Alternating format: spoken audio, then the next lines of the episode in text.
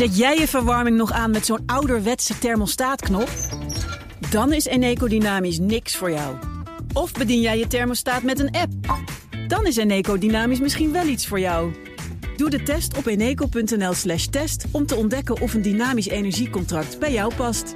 Mensen helpen een bewuste keuze te maken. We doen het nu. Eneco. Luister ook eens naar deze podcast. BNR Beurs. Dat kan via de BNR-app. Met live radio en breaking news. Download hem nu. En blijf scherp. BNR Nieuwsradio. The Big Five. Diana Matroos. Oorlogsrecht. Met een oorlog in Oekraïne en Gaza valt de term regelmatig. Ook hier in Nederland, net als proportionaliteit. Maar wat het echt betekent, daar is nogal wat onduidelijkheid over. En dat levert ook de nodige polarisatie op. En daarom ga ik deze week in gesprek met vijf kopstukken in BNR's Big Five van het oorlogsrecht. En vandaag weer een heel bijzondere gast, Liesbeth Zegveld. Zij heeft als advocaat meerdere spraakmakende zaken gevoerd, vaak tegen de staat om oorlogs slachtoffers en nabestaanden bij te staan. En daarnaast is ze hoogleraar oorlogsherstel aan de Universiteit van Amsterdam.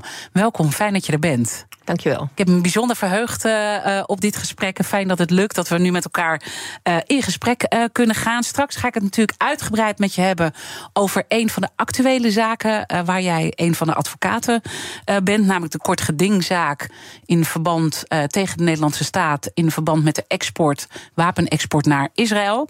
maar voordat we dat gaan doen, wil ik twee dingen van je weten. En het eerste is: staat het oorlogsrecht met toenemende geopolitieke onrust onder druk op dit moment? Het is in ieder geval actueel. Ja. En het klinkt wat raar, maar ergens kan ik dat ook wel toejuichen.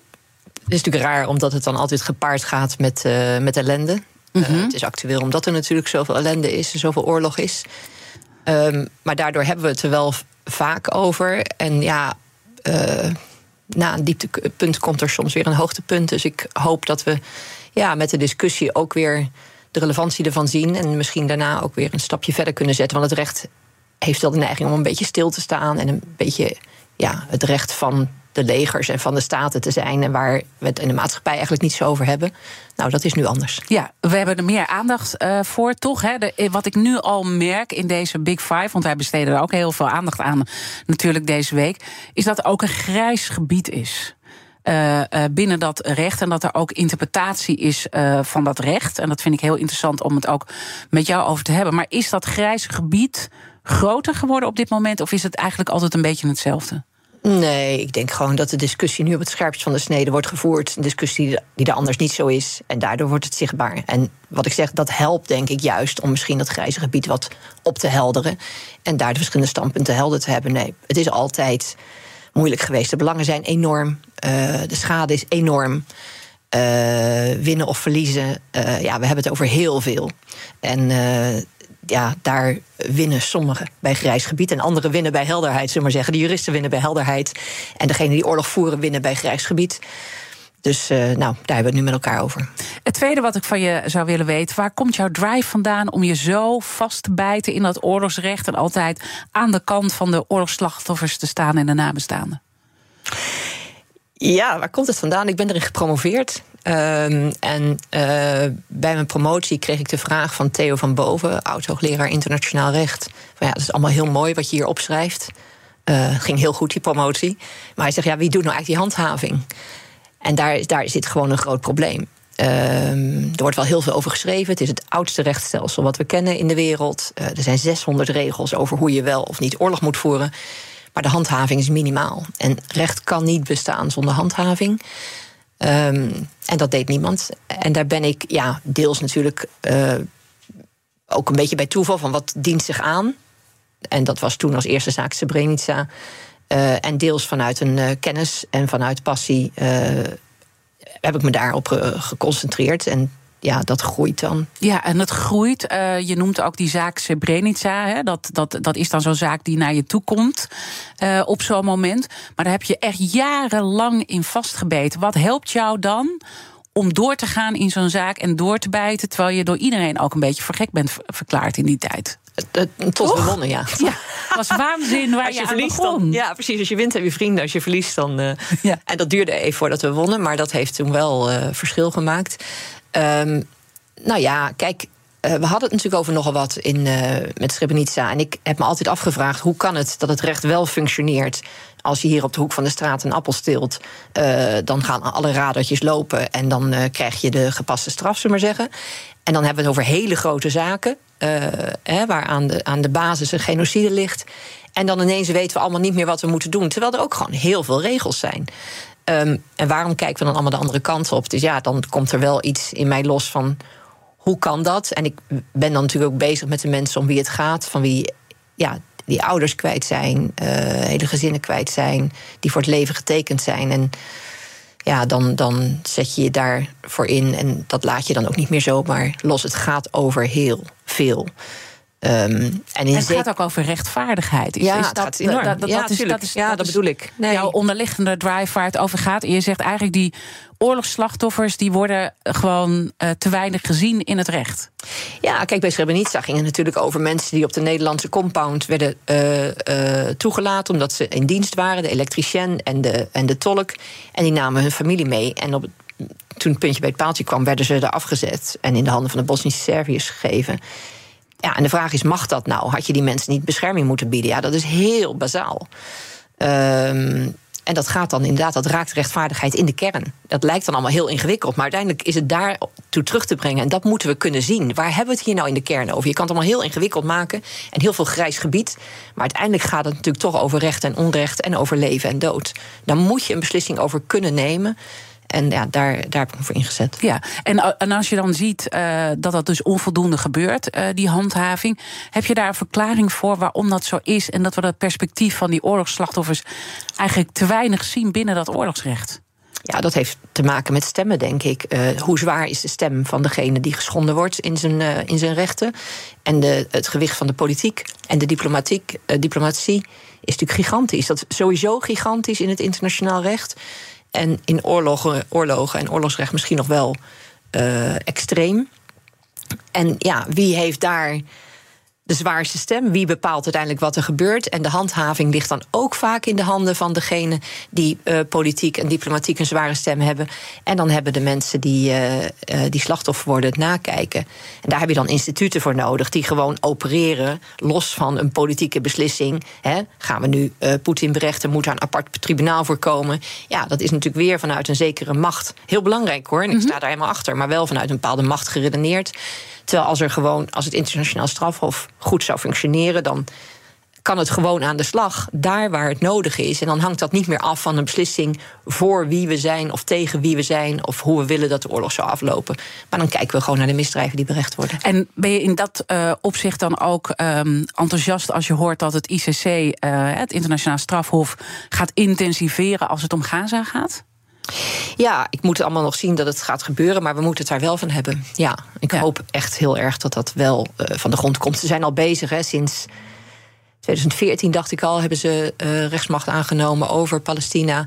En uh, ja, zij moeten dat nu uh, intensiveren, zowel ten aanzien van wat er door Hamas is gedaan, als wat Israël nu in Gaza doet.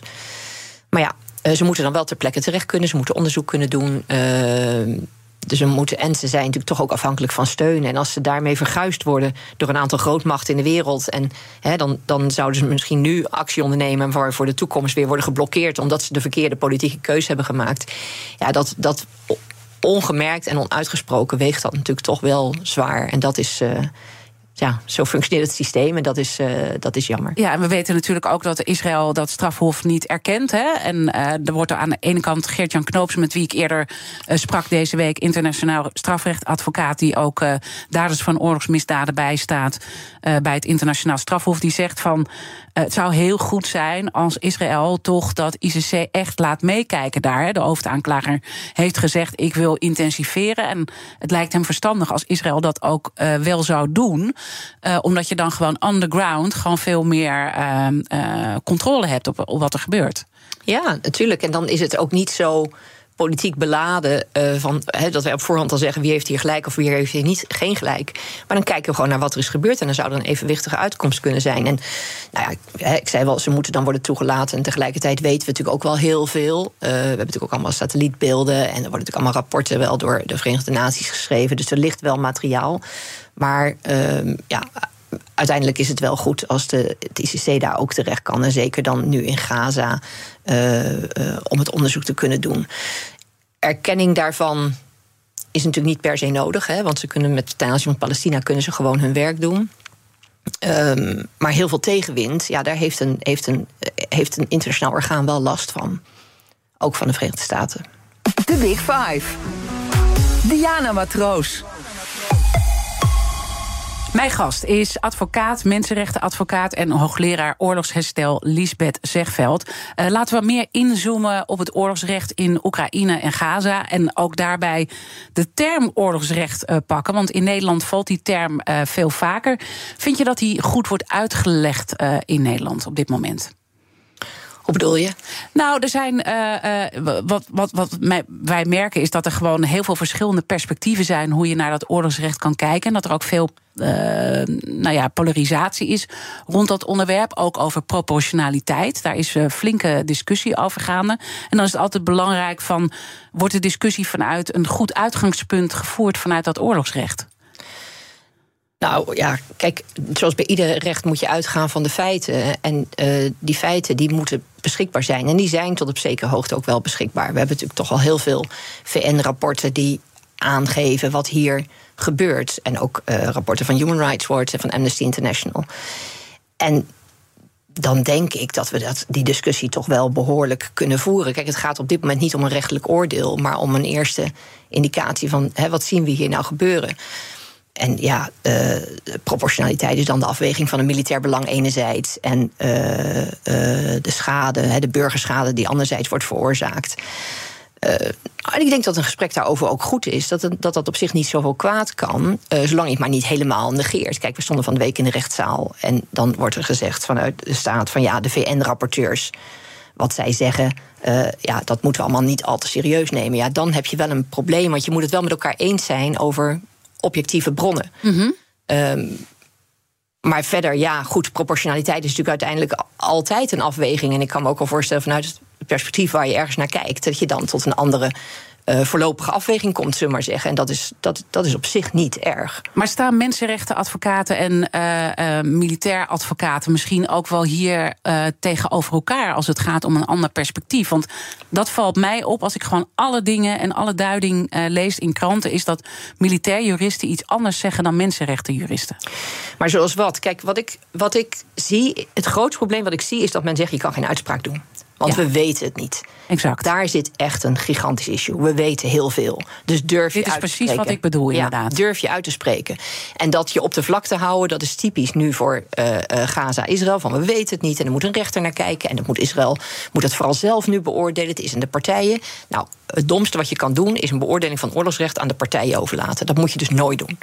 Uh, je moet het overlaten aan, aan rechters uiteindelijk. En zolang dat niet aan de orde is, aan onafhankelijke instellingen die daarvoor gecreëerd zijn. Zoals toch wel de Verenigde Naties.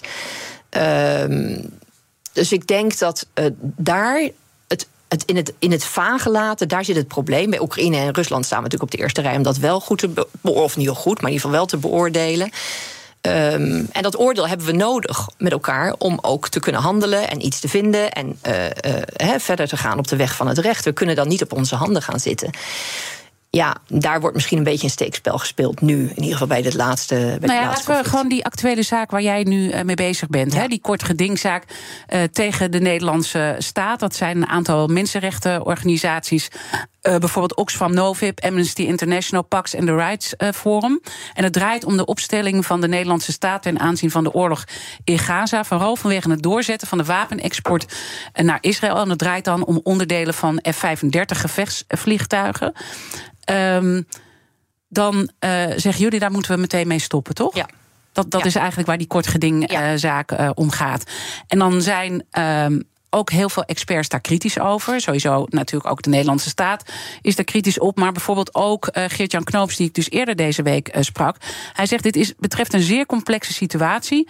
Je kan nog geen oordeel vormen of het oorlogsrecht daadwerkelijk geschonden is. Het ICC is daarmee bezig. En het zou hem verbazen als de civiele rechter zich competent acht om hierover een oordeel te vellen. We kennen de feiten nog niet.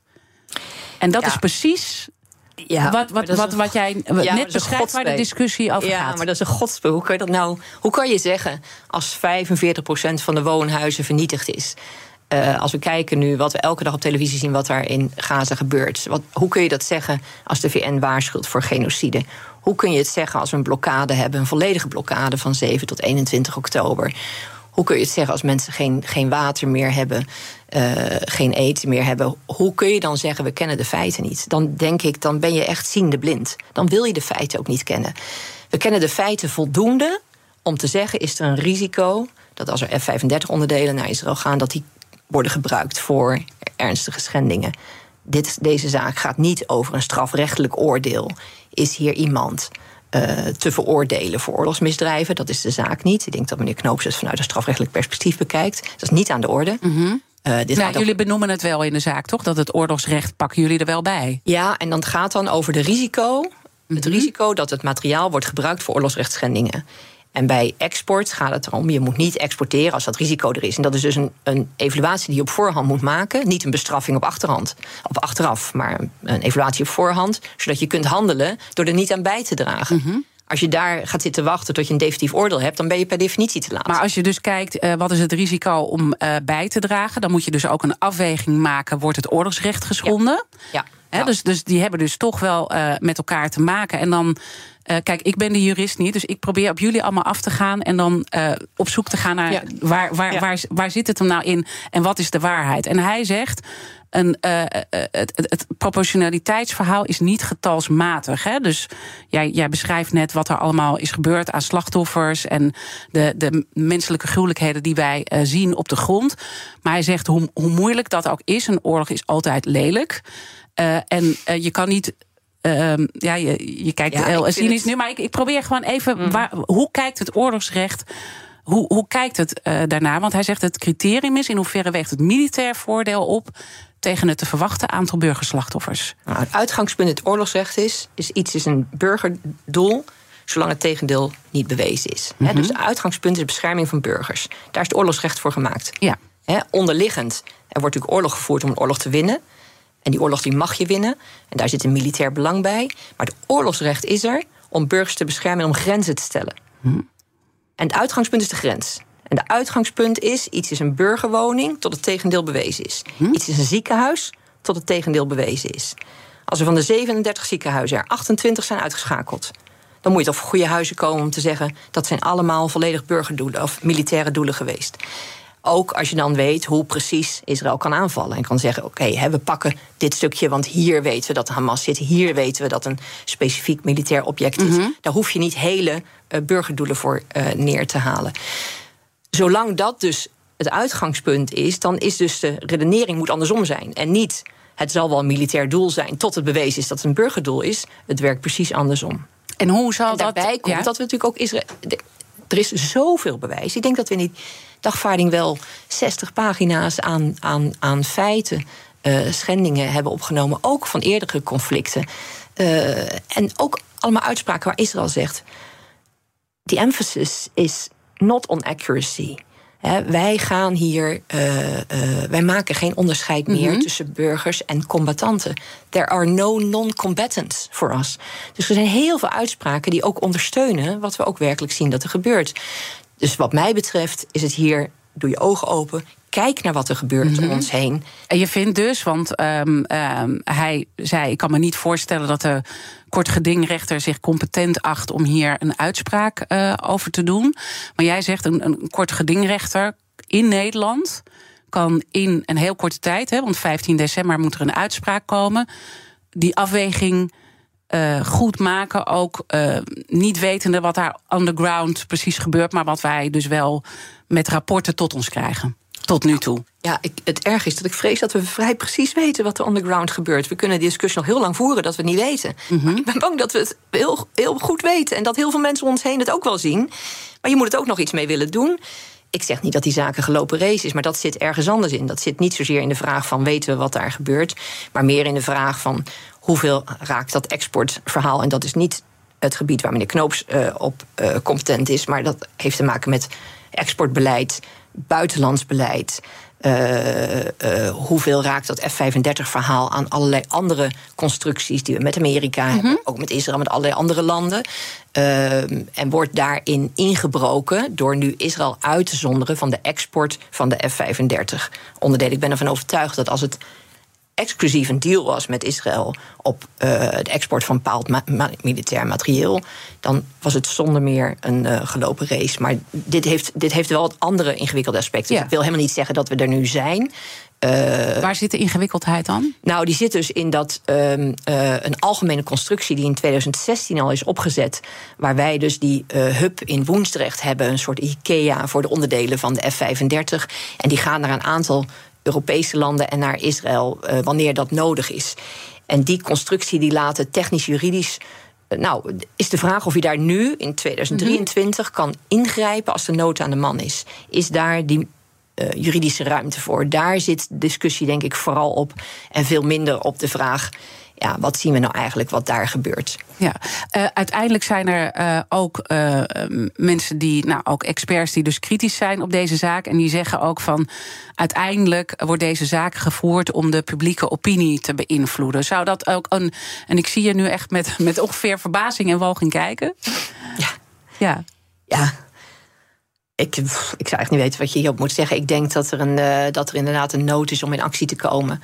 Uh, en dat heeft met publieke opinie niet zo heel veel te maken. Uh, het recht moet ingezet worden daar waar het het meest nodig is. Ja. Als je het dan niet gebruikt, wat is dan nog de waarde van het recht? Als we nu allemaal in koor op onze handen gaan zitten en niets ondernemen. Waar er regels zijn over mensenrechtsschending, over genocide, over misdrijven tegen de menselijkheid ja, dan, dan kun je het rechtssysteem wel in de prullenbak gooien. Ja, en maakt, het je, maakt dit je kwaad dat dit, dit soort dingen gebeuren? Uh, en gezegd worden, nou, dat dit soort nee. uitspraken worden gedaan. En, en, en het zijn natuurlijk nee, ook. Nee, kijk, dit wordt altijd gezegd. Dit, dit hoor ik al 25 jaar. En dat geeft wel het politieke karakter van het recht aan, denk ik bij uitstek. Ja. Dat dit soort extreme standpunten kunnen worden ingenomen, die zoveel uiterste zijn, hè, dat niet iedereen zegt, nou kijk, als we een uh, uh, drugsprobleem hebben in Rotterdam, dan is iedereen het erover eens dat er gehandhaafd moet worden en dat het recht gewoon zijn loop moet hebben. Ja. En hier lijkt het recht niet zijn loop te moeten hebben. Want je zou ook gewoon zeggen: Goh, hè, laten we het juridisch toetsen. We zijn het met elkaar eens dat er nogal wat aan de hand is. Laten we daar een oordeel over vellen. Gaat het wel, gaat het wel? Gaat het niet, gaat het niet? Daar is het rechtssysteem toch voor? Maar waarom zoveel weerstand nog voordat het überhaupt bij een rechter komt? Mhm. Mm -hmm. Dat. dat daar lijkt ook een soort angst in te zitten. En, een, en, een, en zo, alsof je op voorhand al partij moet kiezen. Uh, nou, dat is precies ook die polarisatie waar ik aan het begin Ja. van de uitzending... Ja. Hè, dat, dat merk je gewoon en dat merk ik ook in de reacties die dan loskomen... überhaupt dat we hier aandacht aan besteden. Weet je, in dat opzicht doe je het nooit goed. Nee. Ehm, terwijl je gewoon objectief bevraagt uh, hoe het in elkaar zit... en de verschillende uh, perspectieven laat horen. En dan, dan merk je toch dat die politiek gewoon een hele grote ja. rol speelt... en dat er toch echt een groot grijs gebied zit binnen het oorlogsrecht. Terwijl je denkt, het is vrij feitelijk hoe, hoe, hoe dat juridisch in elkaar zit. Ja, nou ja, dat is misschien dan ook een, een, een zekere wens om daar een grijs gebied te laten bestaan. Want bij een grijs gebied kan niemand beslissen.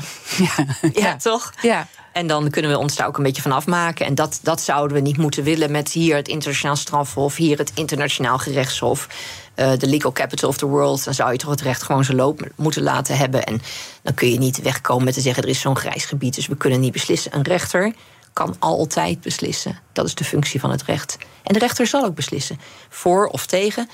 Dat, ja, ik zal niet zeggen dat doet er niet toe, Mhm. maar um, dan, dan heeft het systeem. Ja. Het doet zijn werk. Maar, maar, maar ga je er ergens ook nog van uit dat die kortgedingrechter zegt: Ik kan hier geen uitspraak over doen, ik, ik zeg geen ja of nee? Nee, dat kan niet. Dat kan niet. Nee. Oké. Nee. Uh, hij zou kunnen zeggen: het is te complex voor een kort geding. Ehm, Bedoel ik? Ja, ja, ja, dus dan doet hij wel. Dan, dan, dan, en dan, maar dan zegt hij feitelijk: ik moet hier bepaalde vaststellingen doen over schendingen van het, van het recht. En dan het risico daaraan bij te dragen. En uh, vooralsnog ga ik ervan uit dat dat niet aan de orde is, want ik kan dat nog niet vaststellen. Dus dan beslist hij in ons, in ons nadeel. Maar dan doet hij wel, dan kijkt hij daar wel goed naar. En eigenlijk zegt hij dan ik kan het niet vaststellen. Hij zegt niet, ik, ik, ik, ik vel geen oordeel. Er is nog een groot verschil tussen. Hè? Ja. Een rechter die zijn handen ervan aftrekt... en zegt, ik weet het allemaal niet en ik kan het allemaal niet. En een rechter die zegt, met de feiten die we nu hebben... kunnen we daar nog geen definitief oordeel over vellen. En dus is het, is het oordeel nee. Dat is wel een iets ander. Oké, laten we daar zo meteen over verder praten. Want er zitten heel interessante nuances. Uh, mijn gast vandaag is mensenrechtenadvocaat Liesbeth Zegveld. Blijf luisteren. Het Eneco Klimaatreport van deze week komt uit Amsterdam. Ik ben Pascal en ik sta hier met de oprichter van Wikkelhuis op de werkplaats. Oep, wat zie ik hier? Ja, je ziet allemaal huisjes. En welke rol speelt energie-efficiëntie in jullie ontwerp- en bouwproces? We bouwen alleen maar met hernieuwbare materialen. Maar het leukste is dat we eigenlijk uh, zonne-energie gebruiken voor onze elektriciteit. We hebben duizend zonnepanelen op ons dak van de werkplaats. Duizend zonnepanelen, dat zijn er een hoop. Ik kan me voorstellen dat er veel stroom vanaf komt. Ja, er komt een enorme bak met stroom uit. En soms in de zomer is dat ook te veel. En daarom werken we samen met uh, Eneco, met het uh, opwek optimaal systeem. En wat doet dat systeem? Een soort dimmer. Dat als er te veel stroom is, dat je dat zeg maar wat terug reguleert, zodat er geen netcongestie ontstaat. Want dan zou alles vastlopen. Uh, juist de balans op het energienetwerk. Ja, precies. En zo werkt Wikkelhuis samen met Eneco aan klimaatambities. Is het ook iets voor jouw bedrijf? Check dan eneco.nl slash klimaatambities.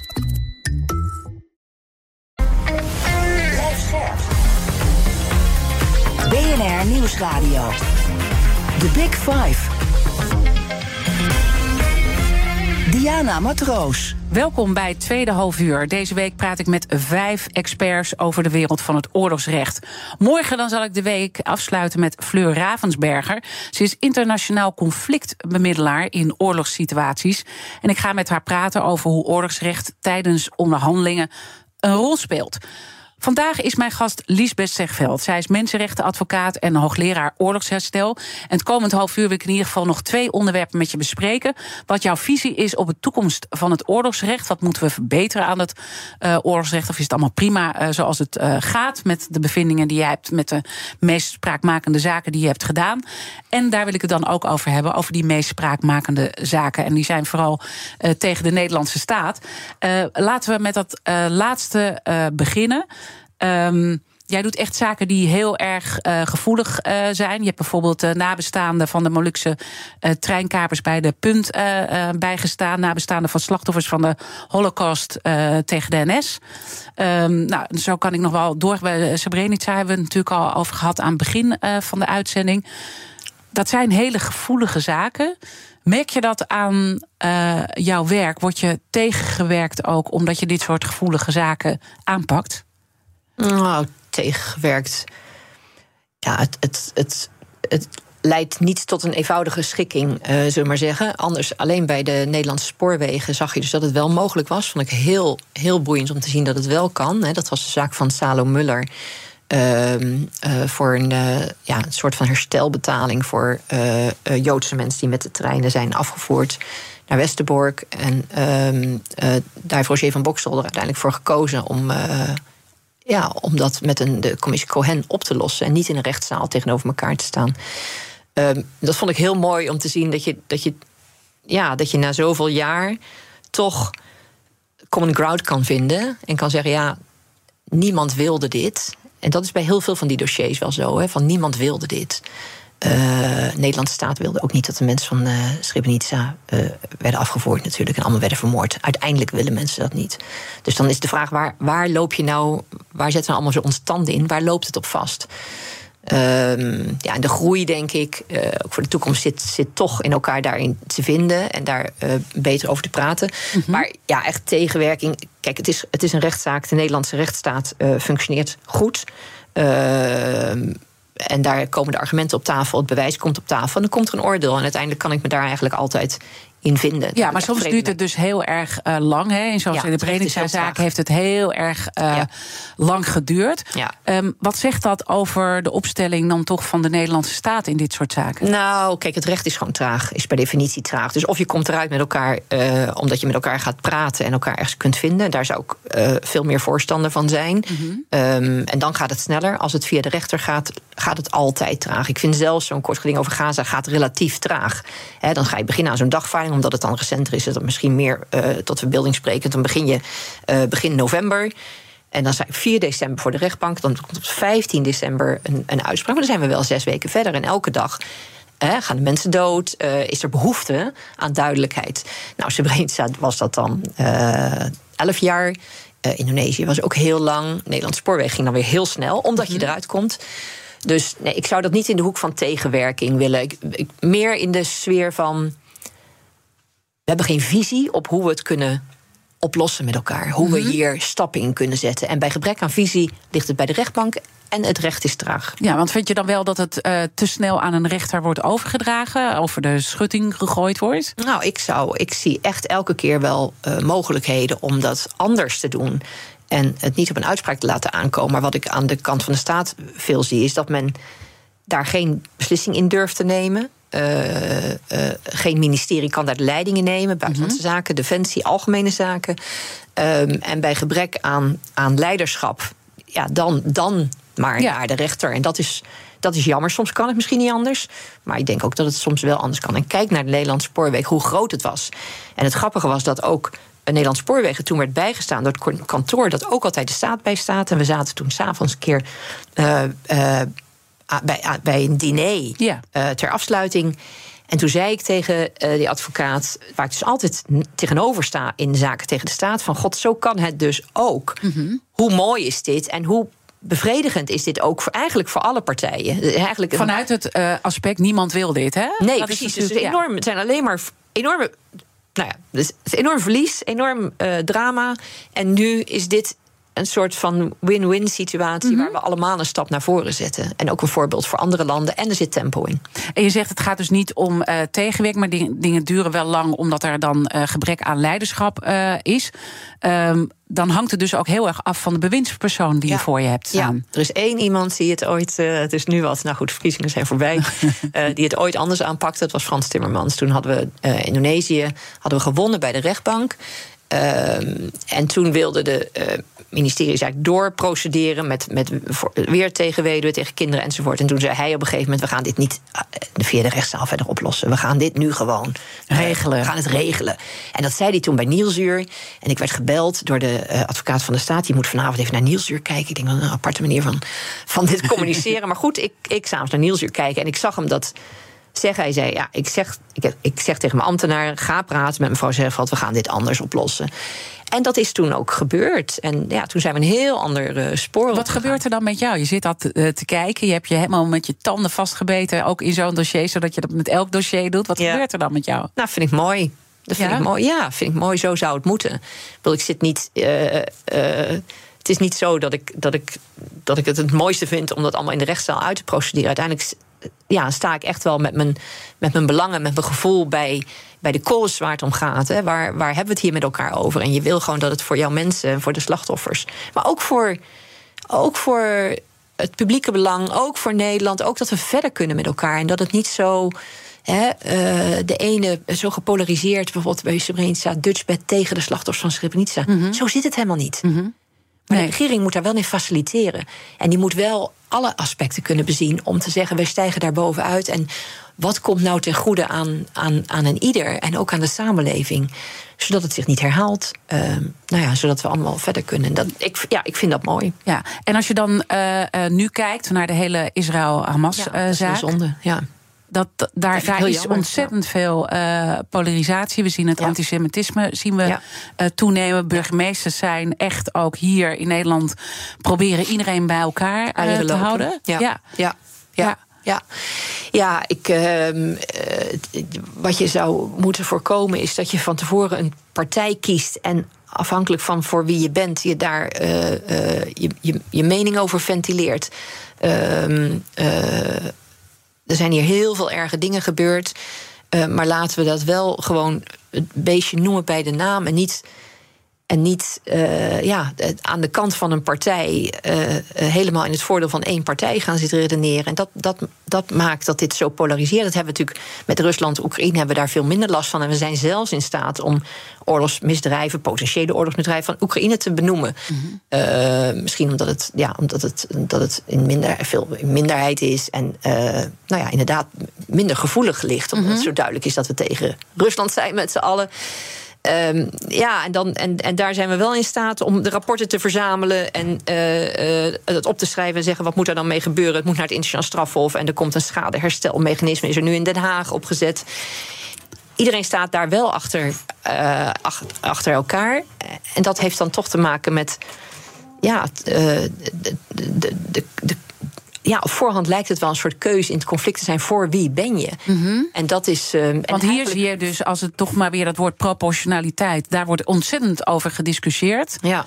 Uh, en dan wordt dan ook uh, uh, gezegd: hè, weegt het militair voordeel op tegen, tegen de burgerslachtoffers. Dan wordt er ook gezegd: van ja, als Hamas niet uitgeschakeld wordt, heeft dat ook. Um, want sommige mensen zien het als een terroristische groepering, anderen nemen dat niet in de mond. Dan heeft dat uiteindelijk ook een implica implicatie voor ons hier in het dat Westen. Dat is het debat niet. Dat is het debat niet. Mm -hmm. het gaat, wij zijn hier niet om te beslissen dat Israël moet winnen. Dat is niet de taak van het recht. De taak van het recht is: u mag geen burgers aanvallen. Win de oorlog zoals u het wil winnen. Doet u er vijf jaar over, doet u er tien jaar over? Moet u nu stoppen en moet u misschien politiek verder gaan of diplomatiek? Beslis het. Dat is nu niet aan ons. Mhm. Waar het om gaat is dat u valt geen vluchtelingenkampen aan, u valt geen ziekenhuizen aan, u valt geen woonwijken aan, als dat burgerdoelen zijn. En daar zit inderdaad een proportionaliteit in. Mag je he, uh, 2000 burgers doden voor één Hamas-leider? Daar kunnen we Ja. denk ik ook als normaal burger een redelijk proportioneel oordeel over vellen. Tenzij Mhm. het wellicht de, de commandant van Hamas is. Maar dan zeg ik ook, de, en dan de superieure commandant, dan zeg ik ook: het is aan Israël, gezien het uitgangspunt iets is een burger tenzij, dan is het aan Israël om uit te leggen dat dit evenredig is en wat ze dan aan militaire targets allemaal winnen. Zij moeten die uitleg geven. Ja. Maar dat komt er niet. Hè? En daar, daar zit toch de verantwoording. En zo werkt het ook in het recht. Ja, en, en kan je dat verwachten tijdens een oorlog? Dat je dus eh, eigenlijk Ja. je in de informatie Ja. eh, laat kijken. Wat Ja. natuurlijk toch eh, ook veiligheidsinformatie is, geheime informatie. hè. We hebben niet eh voor niets inlichtingendiensten die dat allemaal in het geheim doen. Mo- mo- moet je alles wel naar buiten brengen? Nou, we hebben het niet over alles naar buiten brengen. En Israël is natuurlijk prima in staat om te zeggen: met deze aanval was dat het doel en dat hebben we behaald. Hè, dat ligt dan in het verleden. Daar kunnen ze natuurlijk best iets over eh, geven. Zeker als er natuurlijk zoveel kritiek is, ben je daar ook wel in zekere zin toe verplicht. Want dat is natuurlijk hoe het recht moet functioneren. Je hebt niet een soort vrij speelveld van we doen alles. En na afloop gaan we dat wel eens een keer verantwoorden. Eh, en dat kunnen ze denk ik ook prima. Ja, Dus is, is, is dat we dan deze discussie hier voeren in Nederland? Is dat dan omdat de eh, arm van Israël hier gewoon heel goed vertegenwoordigd is? vrees Zoals je dat eh, in een eerder interview hebt gezegd. Ja, absoluut. Zonder enige twijfel. ja. Waar merk je dat aan? Nou, hieraan bijvoorbeeld. Ja. Sinds wanneer kunnen wij niet vaststellen dat hier rechten worden geschonden terwijl het van het tv-scherm afdruipt? Ik, ik, ik snap dat niet. En ik zie het alleen uitsluitend in dit conflict. Ik zie het niet in Irak, ik zie het niet in Afghanistan, ik zie het niet in Jemen, ik zie het niet in Syrië, ik zie het niet in Oekraïne. Ik zie overal een behoorlijk gewogen eh, beeld. En hier schiet het één kant op. En is het, ja, je bent bijna voor of tegen. Ja. Dus je doet eigenlijk mee aan het conflict. En de oorlog verplaatst zich in die zin naar Nederland. En dus kan je ook niet vaststellen of er iets fout gaat. En verwijt je dat onze premier? Ja, zeker. Ja, die zou daar veel genuanceerder in moeten zijn. Veel genuanceerder. En zou eruit moeten spreken van. Hè, eh, eh, je hebt het recht om jezelf te beschermen. Eh, er staan hier grote belangen op het spel. Maar dit gaat te ver. Ik ben Olivier van Solft. Betaalt u te veel huur of huurt u te veel kantoorruimte? Solft heeft de oplossing. Van werkplekadvies, huuronderhandeling tot de verbouwing. Wij ontzorgen u. Kijk voor al onze diensten op soft.nl. BNR Nieuwsradio. The Big Five. Diana Matroos. Je luistert naar BNR's Big Five van het oorlogsrecht. Eerder deze week, hij viel al een paar keer, sprak met Geert-Jan Knoops. En uh, hij kijkt dus echt op een andere manier uh, naar dit conflict. Als je het oorlogsrecht bij de kop pakt, dus wil je dat ook luisteren... ga dan naar uh, bnr.nl of de bekende podcastkanalen. Mijn gast vandaag is mensenrechtenadvocaat en hoogleraar oorlogsherstel Lisbeth Zegveld. En mijn gasten stellen elkaar vragen via de kettingvraag. We hebben het heel veel over Israël gehad, maar nog weinig over Hamas. En daar had mijn gast gisteren, Jan Tijmen Nick Blok... hij is specialist humanitair oorlogsrecht bij het Nederlandse Rode Kruis... deze vraag over aan jou. Luister maar. Ik werd eigenlijk getriggerd gisteren door, uh, door waar generaal Duchesne het over had. Over het feit dat er een, eh, een, een plicht is om te waarborgen dat er militair juristen beschikbaar zijn. met kennis over het humanitair oorlogsrecht. voor commandanten. om ook direct te kunnen inspringen. als het gaat over advies voor, voor aanstaande aanvallen. en hij gaf daar eigenlijk bij aan van zo'n verplichting er niet moeten, moeten zijn voor, voor Hamas, noemde hij. Ik denk zelf dat dat moeilijk is om, om, om te regelen, omdat de, de verplichting die voortkomt uh, uit de verdragen van Genève echt bij de verdragspartij ligt en niet bij niet-statelijke partijen. Wij zijn als, als, als beweging uh, veel, veel betrokken bij trainingen, ook als het gaat over trainingen van niet-statelijke partijen. En dat, dat werpt zijn vruchten af. Maar dat waarborgt niet dat moment uh, waarop er bij een aanval op, een, op een beslissend moment advies zou moeten zijn. Dus mijn vraag aan professor Zegveld is eigenlijk: zou dat deelt zij de mening dat, dat zo'n plicht uh, wel bij niet-statelijke partijen zou moeten liggen? En, en hoe, hoe zouden we dat kunnen bereiken? Ja, het is een hele lange introductie, uh, maar het, het, gaat erom: um, zouden we ook moeten bereiken dat er militair juristen bij Hamas meekijken on the ground? Ja.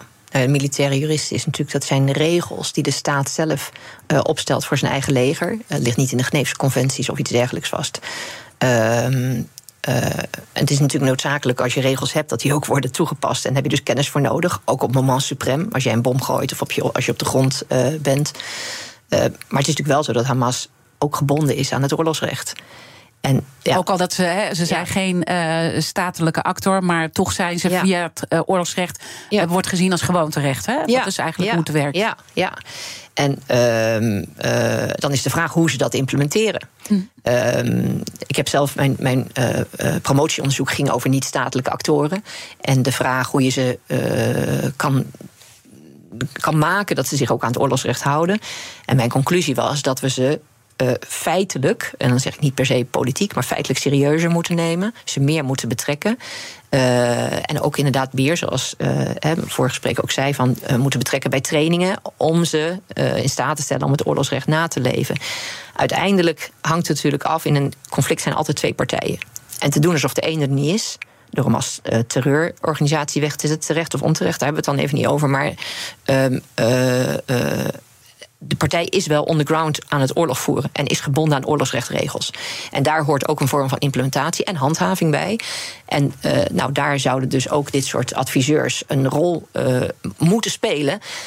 En ik weet ook niet zeker of wij weten dat Hamas die niet heeft. Mm -hmm. uh, dat vraag ik me nog af. Het zou best kunnen dat ze ze wel hadden. Ik weet bijvoorbeeld van de PKK dat ze ze wel hadden. Dat ze ook aanboden.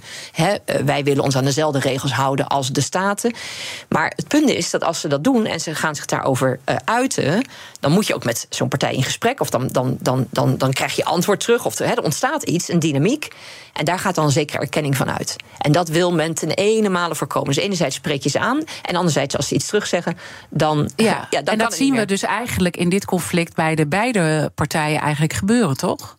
Bij beide partijen. Dus Israël en Hamas. Dat je dus uh, ziet dat zij. Uh, nou ja, Israël erkent het internationaal strafhof niet. Dus wil eigenlijk ook niet ja, uh, dat de hoofdaanklager met zijn mensen meeloopt on the ground. Om, ja. want dan ben je ook bezig met erkenning. En Hamas doet dat ook. Dus we zitten ook met is... aan twee kanten een behoorlijke black box. Eigenlijk wat nou ze aan het doen zijn. Ja, er wordt een vacuüm gecreëerd. Maar daar moeten we dus niet in meegaan. Nee. Dat is het punt. We moeten daar gewoon een normaal gesprek over kunnen voeren. En we kunnen heel veel wel vaststellen.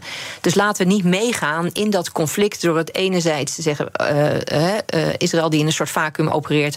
En aan de andere kant Hamas die in een vacuüm opereert. En dan hebben we dus niks meer. Dan zijn we dus tandeloos. En we hebben, het punt is, we hebben het wel. Mhm. En de regels zijn er gewoon. Eh, dus ik denk dat wij daar toch als relatief neutrale partij, eh, die Nederland daarin zou moeten zijn, eh, daar wat evenwichtiger in moeten Ja. opereren. En niet, ook niet alleen maar in onze Europese bubbel moeten zitten, want de wereld kijkt er ook wel iets anders naar. Ja. Hè? En toch zag ik in een eerder interview over Oekraïne dat je zei: het is voor het eerst dat er recht wordt gesproken tijdens een oorlog en dat baat zorgen. Het mag geen politiek instrument worden. Dus ik probeerde dan te zien, eh, en je zei ook Oekraïne, dat zijn wij. Hè?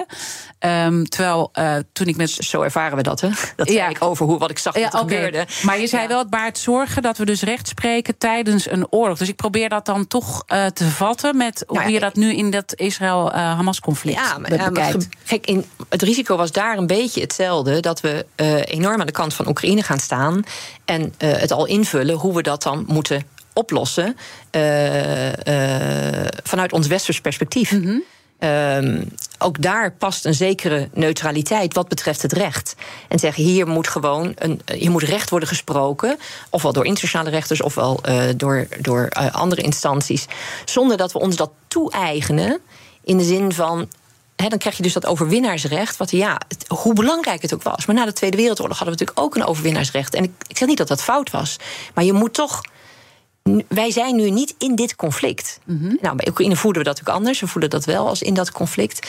Eh, en dat, dat, het belemmert ons ook om dat recht te laten functioneren. En dat, dat is wel iets waar ik nu bij Israël en, en Hamas voor wil waarschuwen.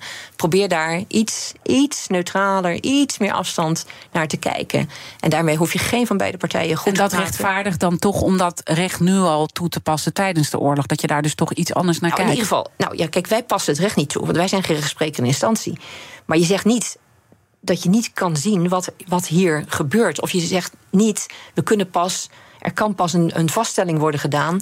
eh, helemaal aan het einde van het conflict. Kijk, als wij beleid willen maken. Als wij bijvoorbeeld over export, maar zoveel andere zaken. dan is de regering natuurlijk het instrument. dat zich een oordeel moet vormen. om vervolgens naar te handelen.